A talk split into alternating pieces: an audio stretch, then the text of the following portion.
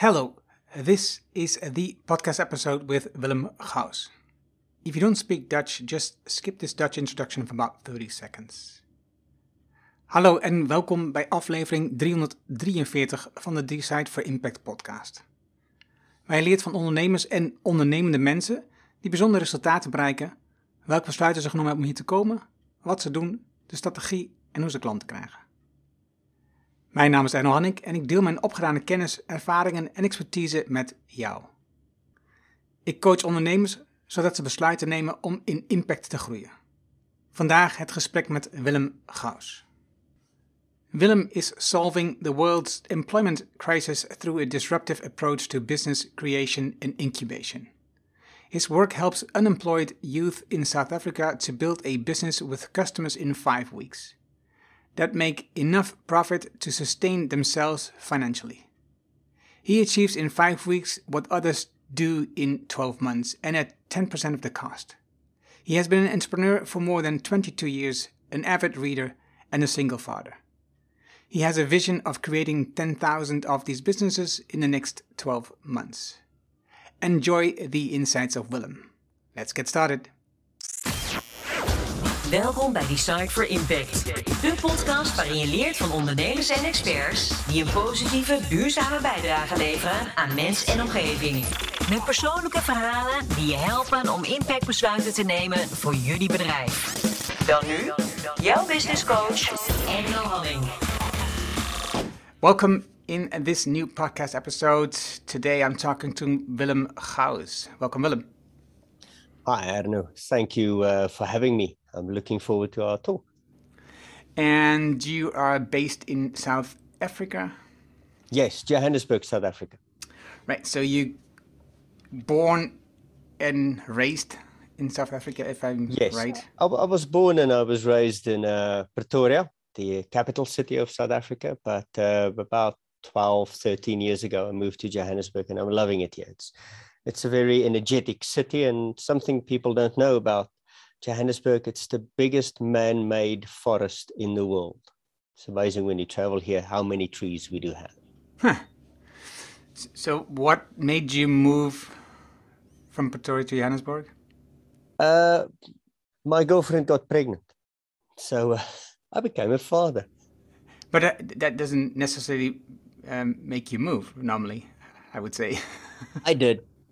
I did. So, uh, and I'm glad I did. You know, I said to somebody else, now I need to be in a more high energy environment. But where I am for the work that I do and the impact that I do, I could not have wished to be in a in another place. This is the perfect place to be. This is the epicenter of unemployment in the world. I've been I've been looking, for example, at the website of your um, school. I'm not sure how to pronounce it. um, the high school, and it is a very wild white environment. Is that is that a, a, difference? Because I'm not very familiar with the differences in South Africa, but is that a difference too between the two places that you are living? So that Pretoria is very white and Johannesburg is more a mix. No, I wouldn't say that. You know, but um, it's been 27 years now since uh, we're in this democracy. So things have normalized. Right. Mm. Right. But if I'm looking at your presentations now, you are heavily involved in in the in the mixed um, scene. I see a lot of black entrepreneurs in your presentations as well. For me, it's I'm genderless and I'm raceless. Wherever I can do the impact. For me, it's about the impact whatever your organization wants to focus on, that's fine. And that that's I think what a lot of entrepreneurs don't understand is everybody's dream and vision is almost made up of Lego blocks, and everybody plays a little part. Although you might think you're you're the bee's knees, your business is the cat's pajamas. You're only a little building block in somebody else's bigger dream, and their building block again in mine. So uh, I don't I, I don't look at gender, I don't look at race. I go, cool, where can I have the impact with this very unique and disruptive way uh, of entrepreneurship and business incubation where I can help and help more people? the way we met was we were both at the conference meeting masterclass. I'm not sure how to pronounce this. How, how, how yeah. to say this for uh, boosting the SDGs, so the Sustainable yes. Development Goals. That's where we that's where we met, and that's where uh, I found you and connect with you and see yeah. that we could have this conversation. Why was that um, topic? Why is that topic important to you, the SDGs? Well, the SDGs, funny enough, is, is, is in alignment with my vision. Like I said before, we, without knowing, you fall into somebody else's vision of what they have. And for me, it saddens me when I look at somebody and they have access to all the knowledge in the world. It's not that we need more entrepreneurial knowledge. That that's not the shortcoming here and uh, people are not taking action uh, to take charge of their own economy, their own life, and their own future.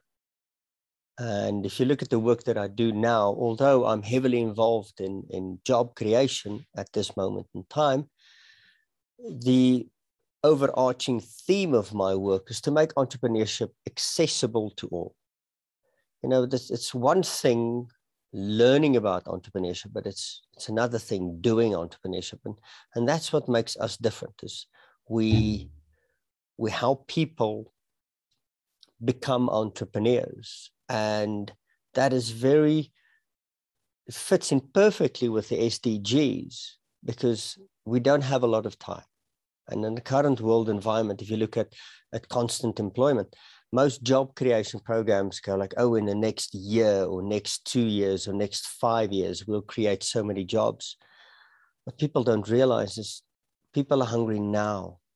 If, if my children are hungry and I can't look after my family, how can I wait 12 months or 24 months for a job? And that's why, uh, with our disruptive process, we help people to become profitable business owners in five weeks or less. So now we can create jobs in weeks and months instead of years and decades. And, and I think that's why there's a great alignment between my work and the SDGs, because now I can accelerate the, the the, the fall behind that we already have in the SDGs. With my current training capacity, I can do 500 businesses a month. In the next 60 days, I can expand that to a thousand businesses a month. And that's done by a course, by by training. How do, how do you do this? Well, here's the interesting thing, Arno. Um, I learned the business model canvas from Osterwalder himself. Uh, lean startup yes, don't read that book. Go and read Running Lean by Ash. And I learned Running Lean from Ash himself as well. So I'm very familiar and, uh, and uh, I have faith in those processes because they work well, but they're not relevant to the needs of, of Africa and other developing economies because those are mostly opportunity based uh, processes and methodologies. They, they take a very long time. And so I developed a process in Africa for Africa. And it's more targeted towards necessity driven entities. So I really focus on micro enterprises. And that means five people or less doing, um, let's say, a million euro to, to, to three million euro uh, per annum. Uh, as I have read that, it, its focus is that you don't look at large opportunities in the future, you look at small opportunities or maybe even bigger opportunities, but just selling a product or a service, an existing product or service right now. Absolutely. It, it's about, you know, we, we, speed up the process quite fast. Uh, in our business creator pre incubator, which is the four week part of the, the program, there some people will start and kill three businesses. And you're like, no, no, I, I, did that one last Tuesday and Wednesday, and that, that just didn't pan out. So I, am not doing that anymore, but I'm doing this now. You're like, excellent. And we celebrate the failure. We always tell people, have you ever broken up, stepped out of a relationship, a really bad and toxic relationship? And everybody go like, yes, I have done that. And I ask, have you ever been better off as a result of it? Like, my life is amazing And then I say, well, the same is true for a business. Walking away from a business that doesn't work and doesn't serve you is one of the best things you can do. Just kill it, just start another business. And, and that's the important thing. And I'm, I'm glad you, you, you're hammering on to that one. You know, Africa is rich in resources, but we're poor in resourcefulness. And that's a major problem that we face. It's the people are not resourceful. African people are very resilient. I mean, to, to survive in this continent, you have to have hair on your teeth.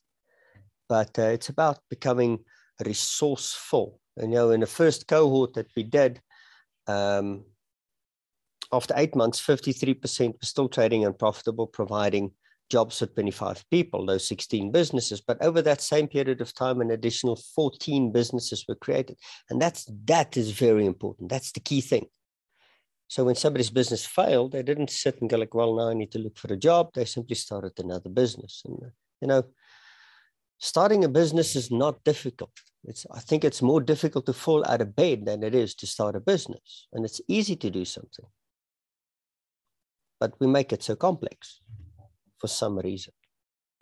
What what do you have an idea what the reason is why we make it so complex? It's humans. I found people distrust simplicity. And simplicity doesn't mean it's easy. Usually the most simple things are the most difficult things to do in life. But I've coached on so many of these programs. Know, in South Africa, billions are being spent on these programs trying to develop new entrepreneurs. And I mean, a very big international bank sent 300 people the other day on a 12 month program for, um, and I think it's about $12,000 a head. I think if they're going to have an 8% success rate, that is very high. You know, so it, it just doesn't get the impact because when you go into these things, there's this recipe. Now you have to do this. Now you have to do this. Now, and people get tired. You know, I, have had coaching sessions where the guy said, you know, I haven't had food since yesterday evening. So do you have something to eat? And then we go and get something to eat before we start the coaching session so that they can focus. Uh, to put it in context, in South Africa, we sit with a 34% unemployment rate. In an expanded def- definition of that, if you take into account people who have not looked for work for six months and longer, that's 46%. And another interesting fact is if you earn 100 US dollars per month, 100, you are in the top 40% of salary earners in South Africa. If you do $500, you're in the top 10. If you do a thousand euro, you're a one percenter. So it, it, there's massive inequality here. But there's also a blessing hiding in it. But what people don't understand is you can't keep people in a program forever and it doesn't lead to anything. And most of these programs, although they talk pivot, pivot don't happen. They frown on pivot because now you upset the reporting process because most of these corporates just do it for a freaking checkbox exercise. So I can score points. Yeah, well done. Let's do that. So it's it's under the guise of impact, but it's it's not designed to impact the people who need it most. And, and that's why I looked at the situation and thought, no, there, there must be a better way. There must be a quicker way. And that, that's why with this, this process that we have now in Africa, for Africa, so we, we need to do it quick and rapid and get people on their feet so that they can feed their families. You know, how can you focus on building a business if your kid says, I'm hungry? People don't understand that. You know, one day I was sitting with a, a business owner. He said the school called me and said, if I don't pay the the arrears in the three months of school fees, they're not going to let my child into school tomorrow. Now, how the hell do you focus on your business when you're under that pressure? And it's it's as if people don't know, come and follow this process. I'm not saying that those processes don't work. It, they do. I mean, I work with some of these incubators and, and they focus on, on the later stage businesses. And then you can go through it and it really works well. But I don't know. My problem with the space is I see we're looking for productive adults, small businesses. We, we need to find productive adults. But we don't have a proper child development process in, in place. What I mean by that, there's no process to develop the micro enterprises that will lead to the small businesses. We just, oh no, no, stuff nature. You know, we will find trees that will immediately bear fruit and it's not working. You know what? You're selling yourself afar. You're lying to yourself. You're just spending money. And, and also the system's broken. I, I, I looked at, I was speaking to a, another person um, yesterday, in fact. And he said, no, they, they uh, he worked for a company and they, they take people in a 12 month process at $3,000 a head. And the output is a business plan. Well, what have you done for that person? Nothing. And all of these processes I've, I've seen has led to learned helplessness. Are you familiar with learned helplessness? The concept of it.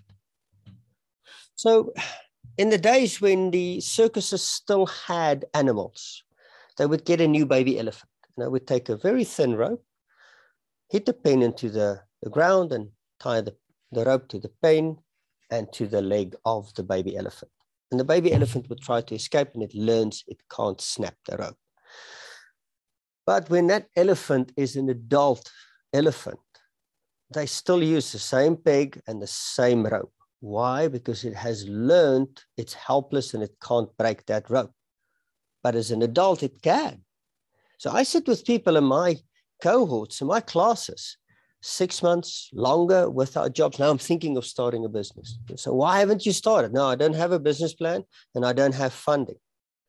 Now, one thing about our work, you you, you can swear my class. I don't really care. You can say the worst words ever, but you're not allowed to, see, to use the F word.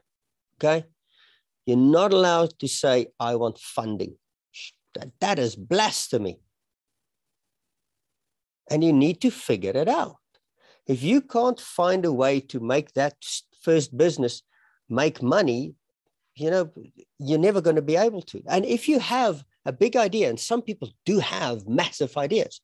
We help them build another business, make money, feed yourself, look after your family, save money, and then build that business, fund it yourself. And that's the interesting thing. Every time I do that in class, and you you tell people, you know, have you ever thought that you could finance your own and fund your own business? And they go like, oh, what sorcery is this? we have never heard of such a thing. And I, yeah, how do you think I've I fund my ideas? Why do you think I'm, I'm very aware of all the money I lost? And so th- there's there's a lot of issues in the system, and the way that we're going to fix it is not. I'm not going to sit here and tell you, oh, we need to destroy this and destroy that. No, we need to look at how it fits in together. Like I said, we're looking for productive adults, but we're not developing good children.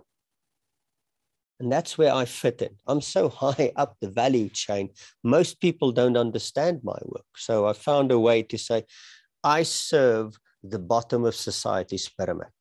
Those who need entrepreneurship the most and make it relevant to them, accessible to them, and applicable and actionable within their context. And that works. I love talking to you about this because this is, of course, not something I have realized, but I also believe that not a lot of people in the Western world have realized how how different this uh, the basis is, right? So how different the the foundation is. Mm.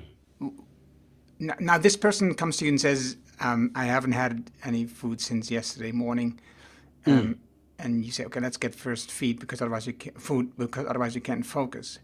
Mm. Um, same problem with the guy that's you know has to pay the bill for the school for their children, otherwise yes. they can't go to school. That's that's if you are are so obsessed with um, shortcoming in money, um, your brain is so obsessed. I mean, um, it means your IQ actually drops, right? So it's infected by um, the pressure on thinking on how do I feed my family? How do yes. I get them to school? All these basic things. It sounds like you've you've read up about that research they did in India. Are you aware of that? Um, I I'm not sure what the research was, but I've I've read about the research. Yes.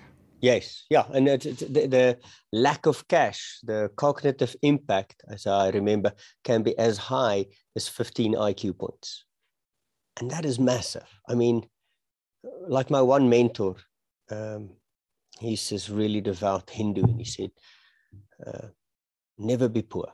Poverty leads to poor thinking, which to leads to more poverty, which to leads to more poor thinking, and it's just a, a vicious circle which you can.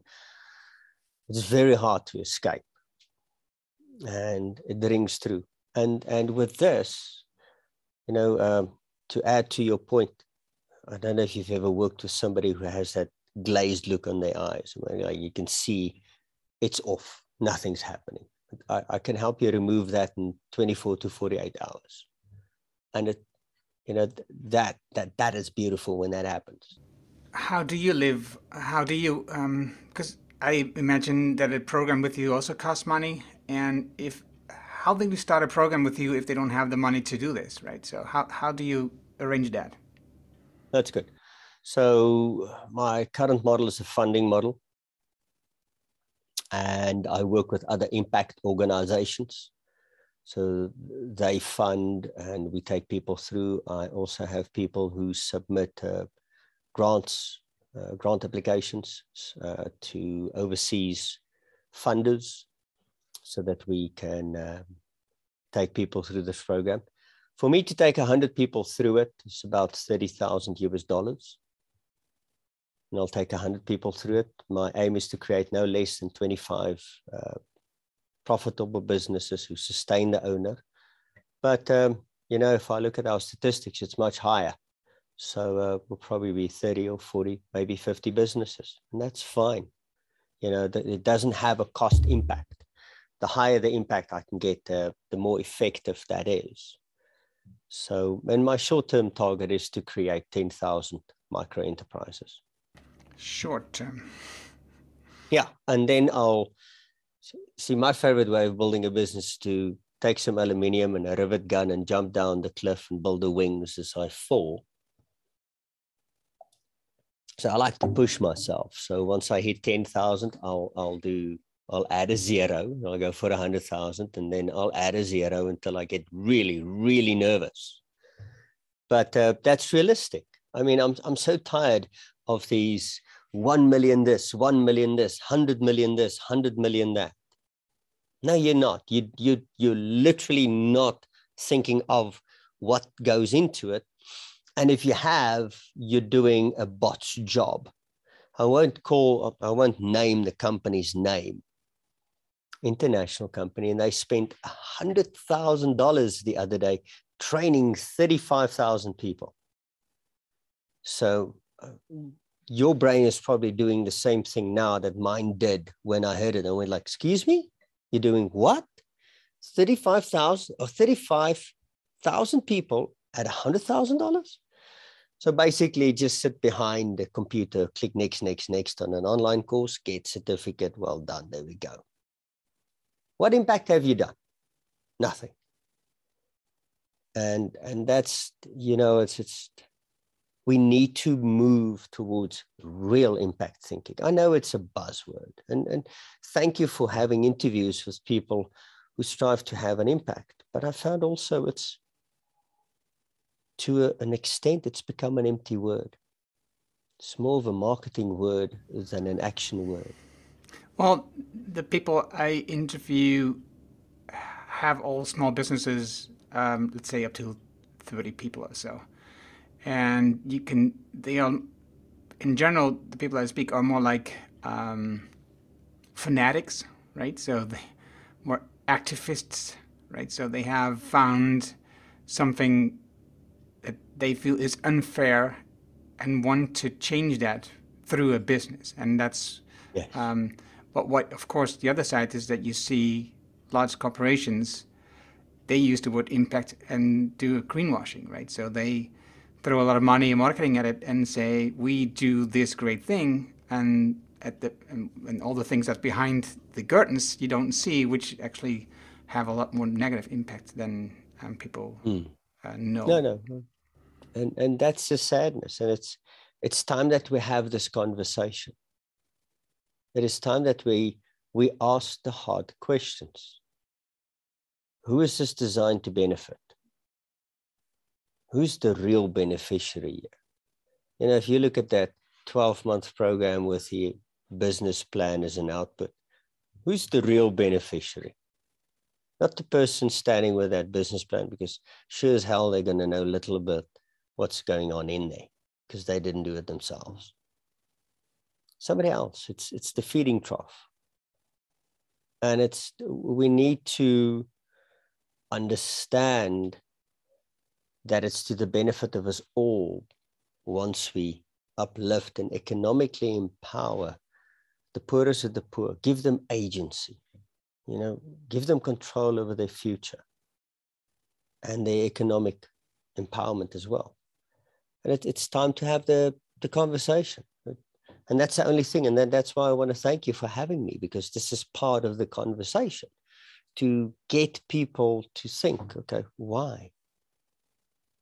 Because last Tuesday I was speaking at a, at a conference, and so many people reached out to me via LinkedIn afterwards and said, You were the only guy who spoke the truth. You were the only person who were prepared to point to the elephants in the room. And I'm like, Thank you very much.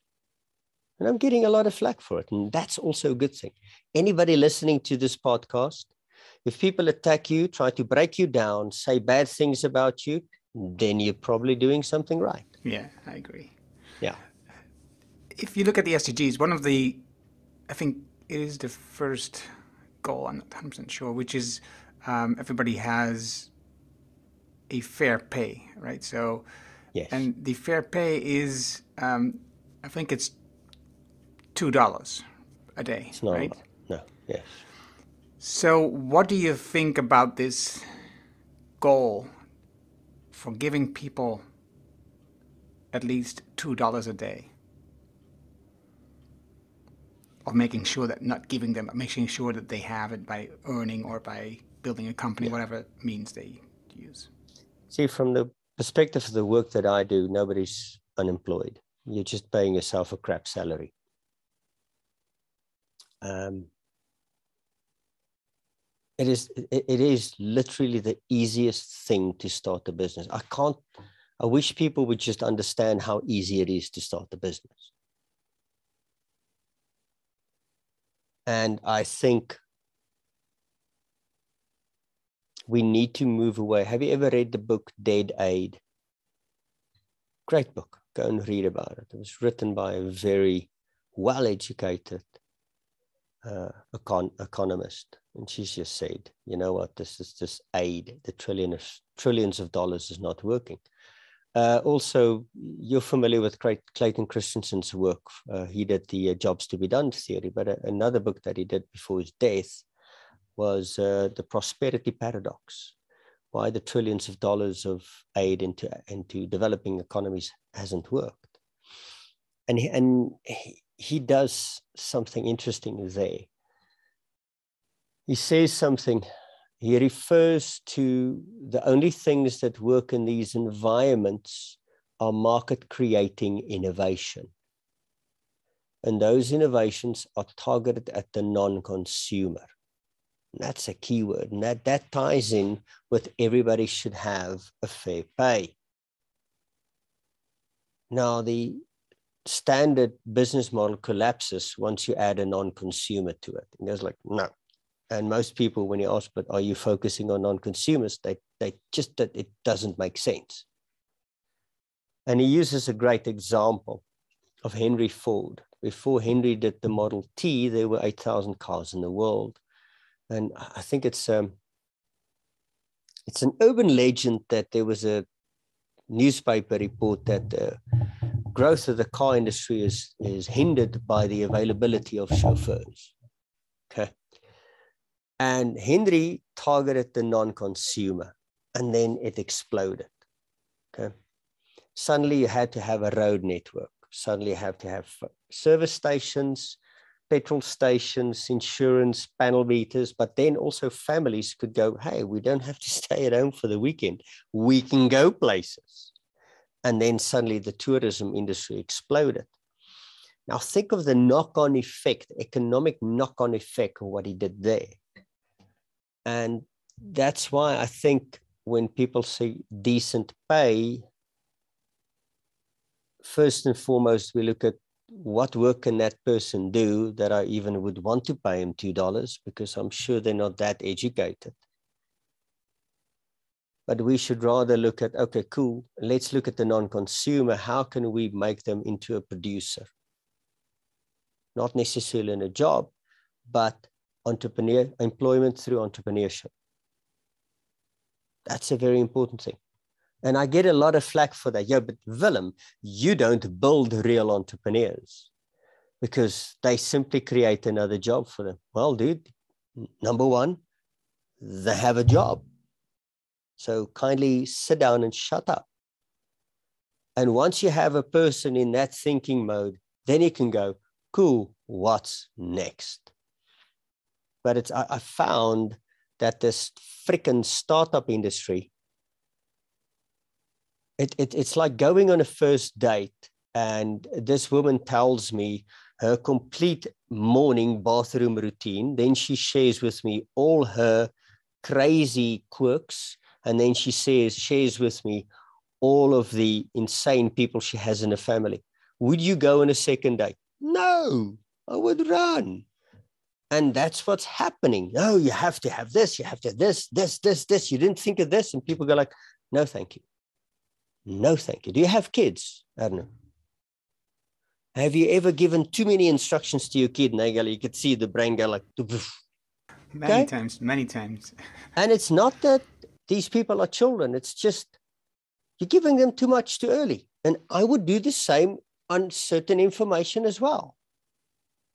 And we're not meeting people where they are. We expect them to meet them where we are. And for us to be these nice people, we made a cheap Rolls Royce. So it works. It doesn't work. You can't build a cheap Rolls Royce, can you? It's impossible. It doesn't fit in. And so nobody's unemployed. They're just paying themselves a really bad salary. And it's simply making entrepreneurial thinking and resourcefulness available to them. And you can empower them in a matter of days and weeks to become financially sustainable. And you talked about before that people start like two, three businesses in in in the program of four weeks. Yes. Is it about failing fast? Oh God, F- failing fast is, is not does not even apply. lightning fast. Why people do that? Number one is not necessarily about failing. It's also because it's so quick, because we have to build a business in four weeks. The, the total program is five weeks, but the pre incubator is four weeks because you have to do it so quickly. You have little or no sunk cost in that business. Nothing, nothing to hold you back. Oh, but I've committed three months of my life to this. And it's all like this. You're like, no, I used committed eight hours how did that go? No, it didn't go well. So let's start something else. And that's my, what makes it so easy. It's not necessarily failure, but also maybe it's not the opportunity for you. Because I don't know in, in the work that you've done, but one thing I've found is that the bulk of small business owners build the completely wrong business a business that would never sustain themselves. Never, ever.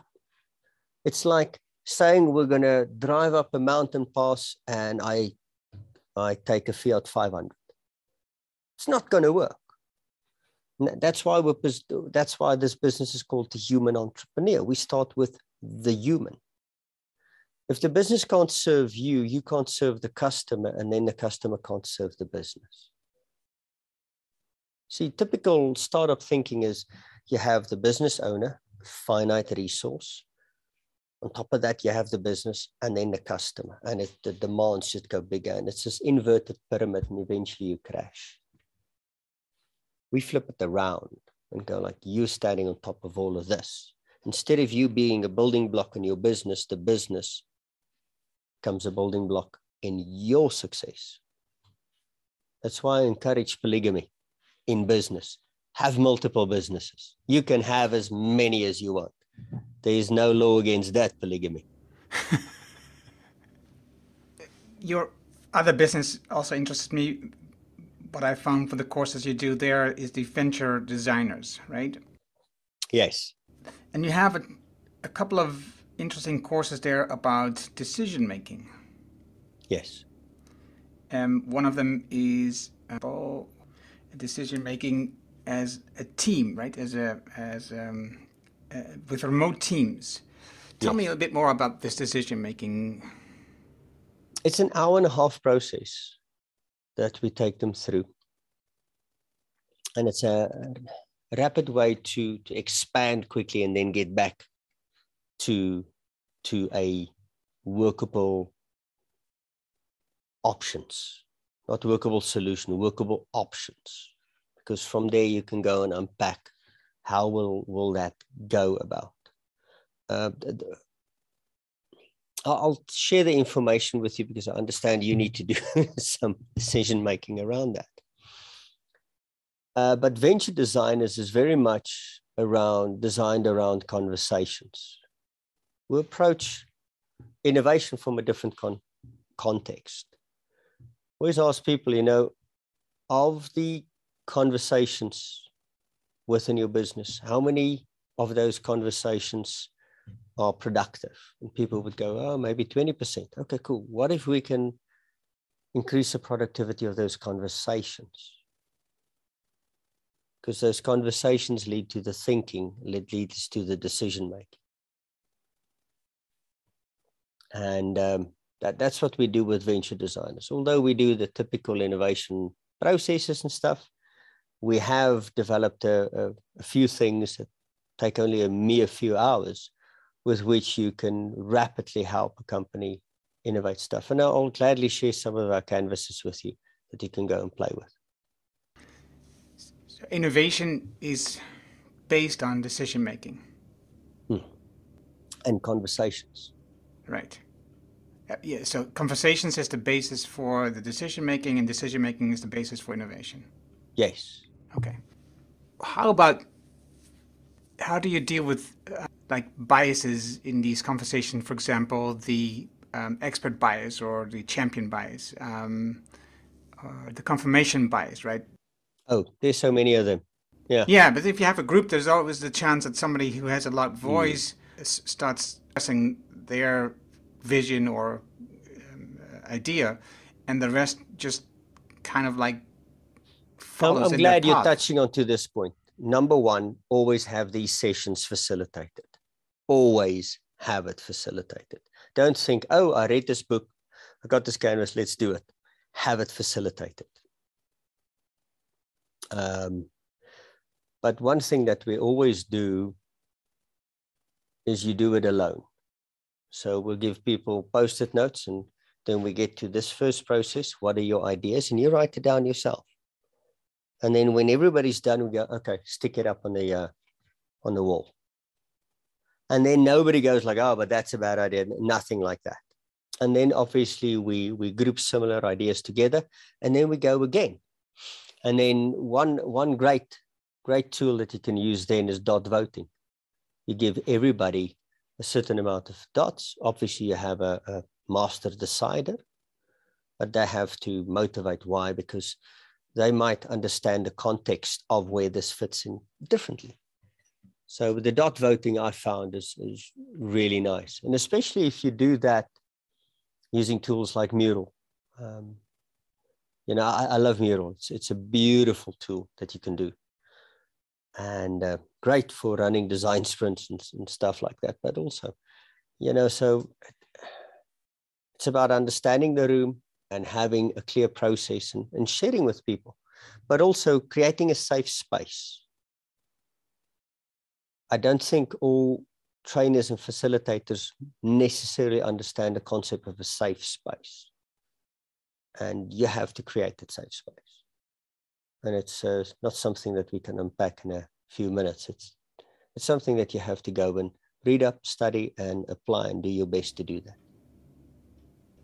So, so you have human entrepreneur, for example, you have um, these venture designers, at least two businesses. Um, how many businesses did you kill?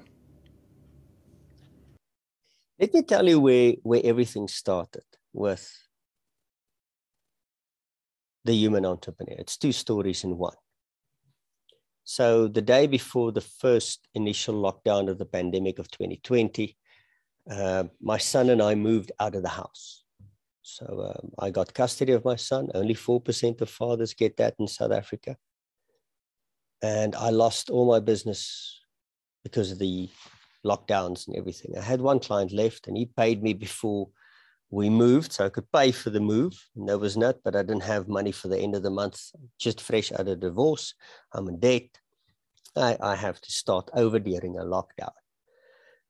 And then in 2014, when I did the dissertation for my master's degree, I focused on the application of innovation methods within existing businesses. And I found that innovation is mostly a farce. You know, it's, it's people try to innovate a business like this glass, but it's, it's an empty container. It just holds something. And the thing that it holds are people. People make a business, not the business. People make the business. And if you if you don't innovate the people, if the people don't think innovatively, then the business is not innovative. And you can't innovate nothing. Now, being a personal development junkie, I went like, okay, cool. How do you innovate a human being? And that's when I developed the process. And in 2015, I started developing that and teaching that to people. And one of the first guys I thought he had a, a, a typical IT guy, one solopreneur, and he grew his, his revenues by $100,000 in 10 months. And that's decent. That's, that's a chunk of change. And many other people have had similar results. And I apply that same thinking in my business coaching. And then I looked at that, I have this process. Let me apply it myself. And I had a two year recovery plan to be out of debt and have at least five months of overheads cash in the bank. That lockdown started March. That October, I overshot my two year plan. And I applied what I teach the unemployed youth of South Africa so it's not that I go like, well, I read in a book, and if you do this, I live what I teach. I'm proof of that. And um, so that's that's the business that I have there. I'm also a professional speaker. I'm, I'm one of a handful of people who can do the, the Inside Risk Leadership Program. Um, I used to fly around the world and work with CEOs on that. Love doing that. Uh, I miss being on stage. It's one of my favorite things. But um, we'll see. Um, we might start, we're, we're, testing different flavors of this uh, job creation program that I have now. We're testing it in a commercial environment next month to create entrepreneurs. If, if we can achieve these results with unemployed youth with little or no resources, what can we achieve with people and corporates who have an abundance of resources that they can leverage on? What can we achieve in that environment? So I'm very eager to see that. We're also going to test it in um, to res- reduce recidivism. So if people come out of jail, people don't employ people who come out of jail, then they turn to crime for an income and then they're back in jail. So now with this, I have an organization that will give four weeks of accommodation. I'll get that person to build a business with profits. They can sustain themselves, and also it facilitates the reintegration back into their family. So now they don't have to go to the family to have money. It's kind of like I come and I can be a productive part of the family again. So we're, we're looking at various different applications and see how we can expand. Like I said, the work that I do is to make entrepreneurship accessible not just teach it, but make it truly accessible. it it sounds like you haven't killed any business yet. You're just keeping all options open. And one time when CEO's program is coming back, you will just start doing that again, or just uh, go on stage and do that again. Because mm. the, you you're doing so many things now, and but of course it has to do with limitations with the um, lockdown, as, uh, uh partially because there's no speaking um, ventures going on at the moment. Mm. But how will mm. you decide in the future where are you're going to give your focus to, your attention to? Because you can't do everything, right? I'm very glad you're bringing this up. I'm very glad. You know, in the speaking business, I'm a business owner. In the human entrepreneur, I am an entrepreneur. And I like to define the difference between an entrepreneur and a business owner as follows. A business owner is somebody who builds a business within the context of their direct financial needs, and the growth of that business is usually determined by their growing financial needs. Whereas an entrepreneur builds a business outside of their direct financial needs, and the growth of that business is usually determined and guided by a greater vision or mission. I can honestly t- give you an answer what will be my focus. My focus is the human entrepreneur. It, it absolutely is. Uh, I, I, like the expression shits and giggles. If uh, if I get an opportunity to speak somewhere on the um, on the uh, leadership stuff, I'll, I'll hop onto it. But what I've done in the short term is I'm developing a keynote around the work that I do because we really need to solve this unemployment crisis. And then I get to speak, tell people about this work that I do. So I, I create the, the awareness of the impact that we can create through this amazing tool that I have. Plus, I get to be in stage. So uh, do both. Oh, and I'm a single dad as well. So uh, I have to raise a child. My son's turning 12 tomorrow.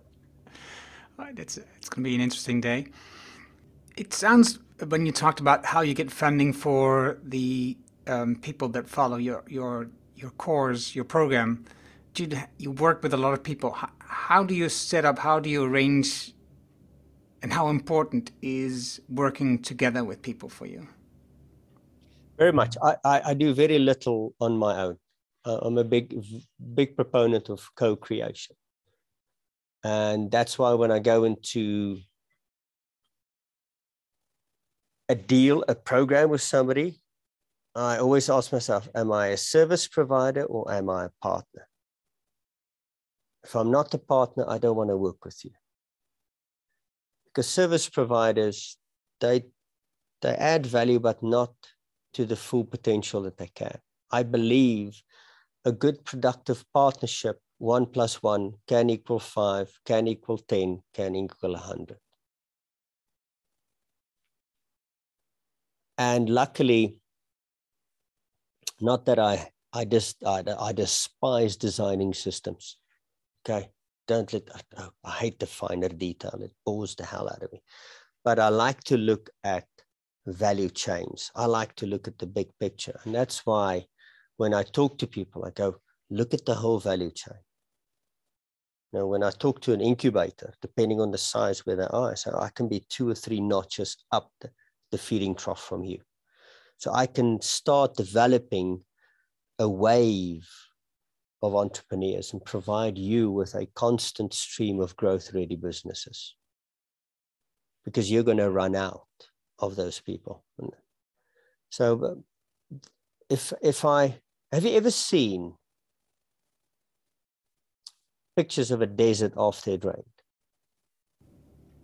I've seen um, films of documentaries on, on heavy rain uh, in, in, in these areas. In, yes. in deserts. And, and then it's just flowers, thousands of square kilometers of flowers. And that's the work that I do.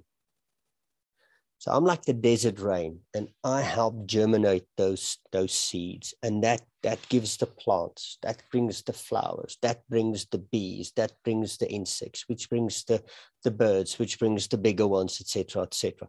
It's it's it will energize the whole ecosystem. So it's not that I see myself alone. No, not at all.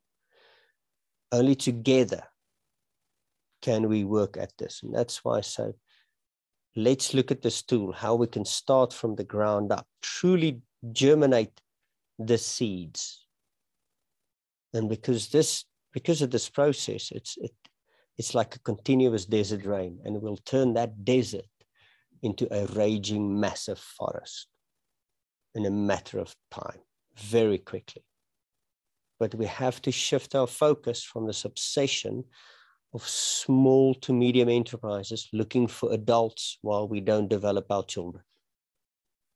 We have to shift our focus to micro enterprises, and it's not a one man business, it's five people or less.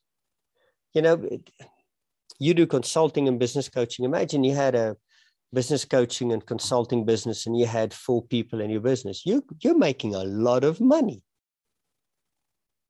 that is a serious business. But most people in that situation wouldn't even know, oh, you have a micro business? No, I'm a small business owner. No, dude, you get a micro. And that's fine. But the problem again that I find with the systems, if you look at the incubation programs and everything, it's like I said, we're looking for productive adults. It's only targeted towards productive adults. And then they go, oh, but we need to develop children. And then they do adult education with kids and it doesn't work. It's not relevant because there, there's the bulk of the stuff that they teach are irrelevant. I, I have quite a few people, you know, in, in South Africa, it's often that people will be on three or five programs. Why? Because they get stipends on many of them. So, eh, why not? Gives me something to do. But a lot of people have commented, you know, what you teach is relevant. What they teach is irrelevant to my situation because I have no money. And what they teach is theory. You teach what needs to be done. And once they go through this, they go like, okay, now what they try to teach me becomes relevant because they tried to teach me financial management and projections when I had zero in the bank. Yeah. And people don't understand the context of the people on the ground. It, it's tough. It's tough. And it's it's not just Africa, it's developing countries. I was talking to a person in where Pol Pot was. Where is that place? Anyway, it was in Asia. And he said the government in announced a 14 day lockdown. I think it was two days or three days, and everybody was out in the street trading. Why? Because they didn't have more resources that could last them past 48 or 72 hours. And it's it's and that's why we have to look at the necessity driven micro enterprises. And that's why we will really energize the informal sector, and that will lead to a massively fast growing formal sector. Do you believe that everybody could start a business? Absolutely. You can start a business within the confines of your risk profile. Will everybody stick it out? No. But it is an option when your kids are hungry. It is an option when there's no work.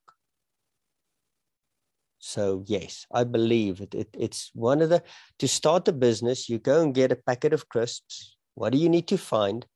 A hungry person. I will walk up to you and say, "I know, are you hungry?" No. Do you know somebody? No.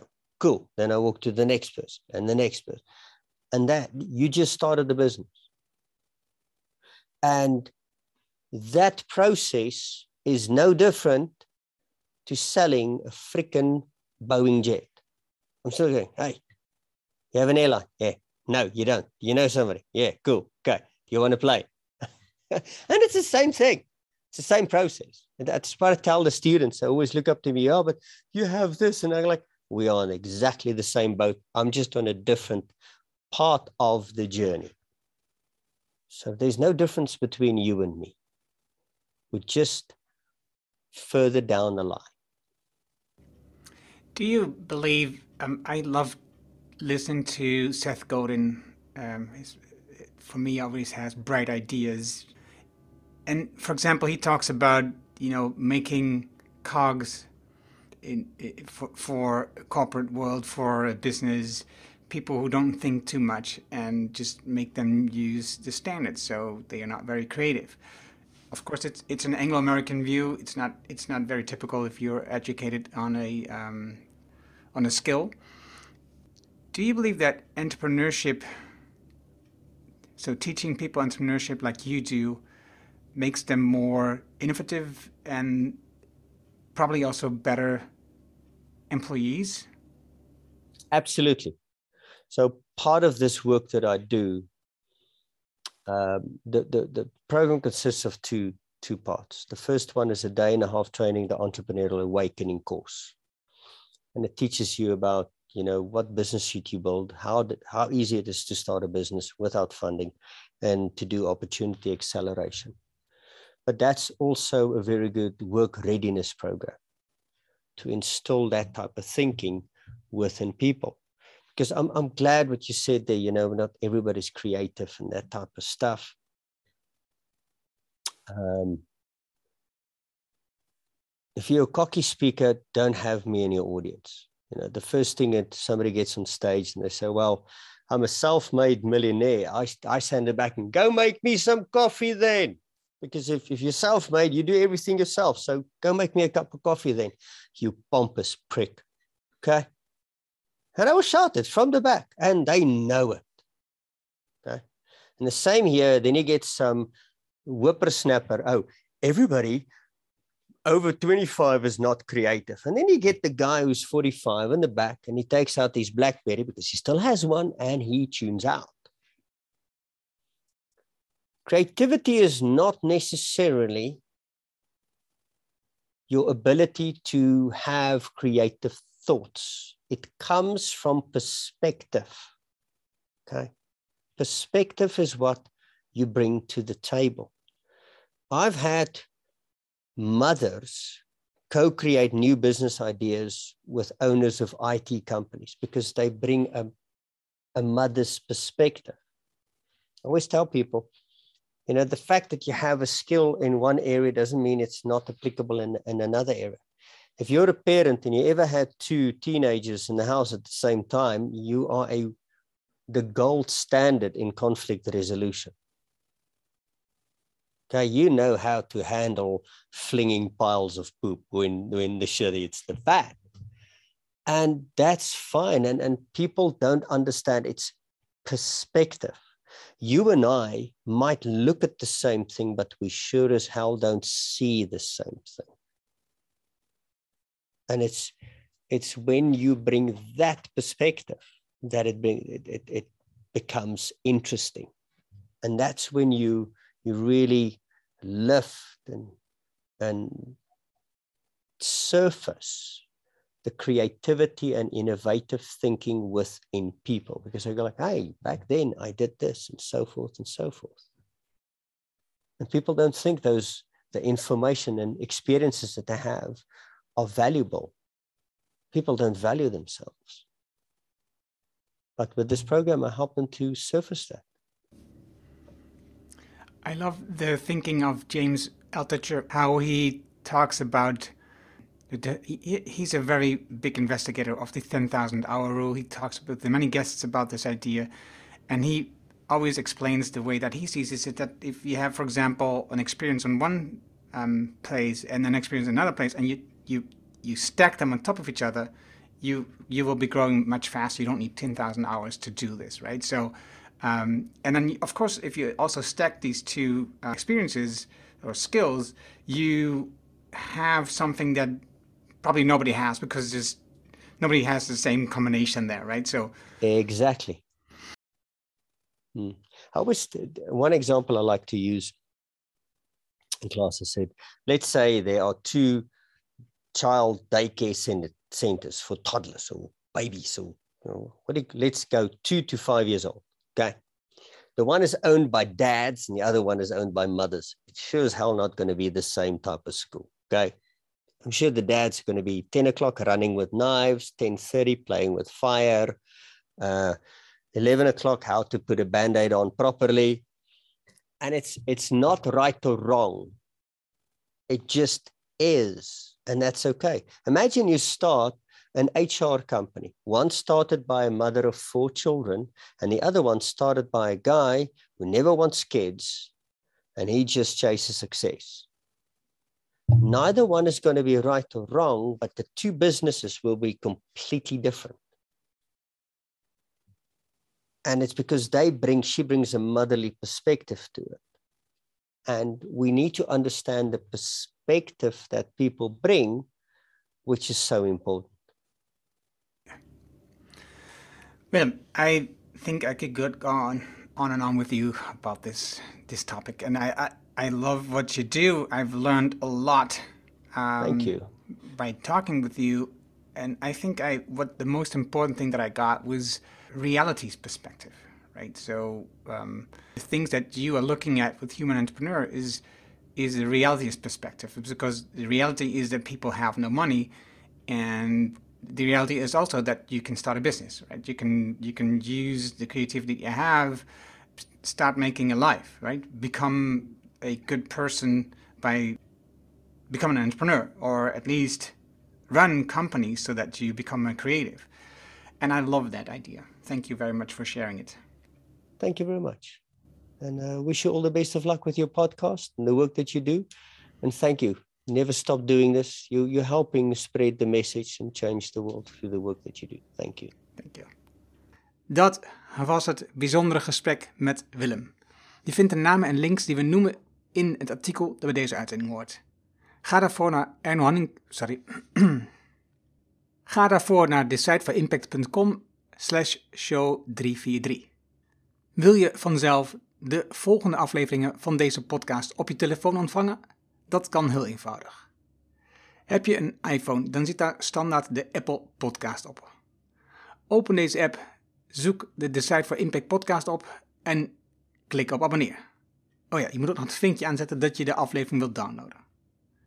Heb je een Android-telefoon, installeer dan eerst bijvoorbeeld de Player FM app. Zoek daarin de Decide for Impact podcast op. Klik op abonneer en je krijgt ze vanzelf. Dankjewel hiervoor.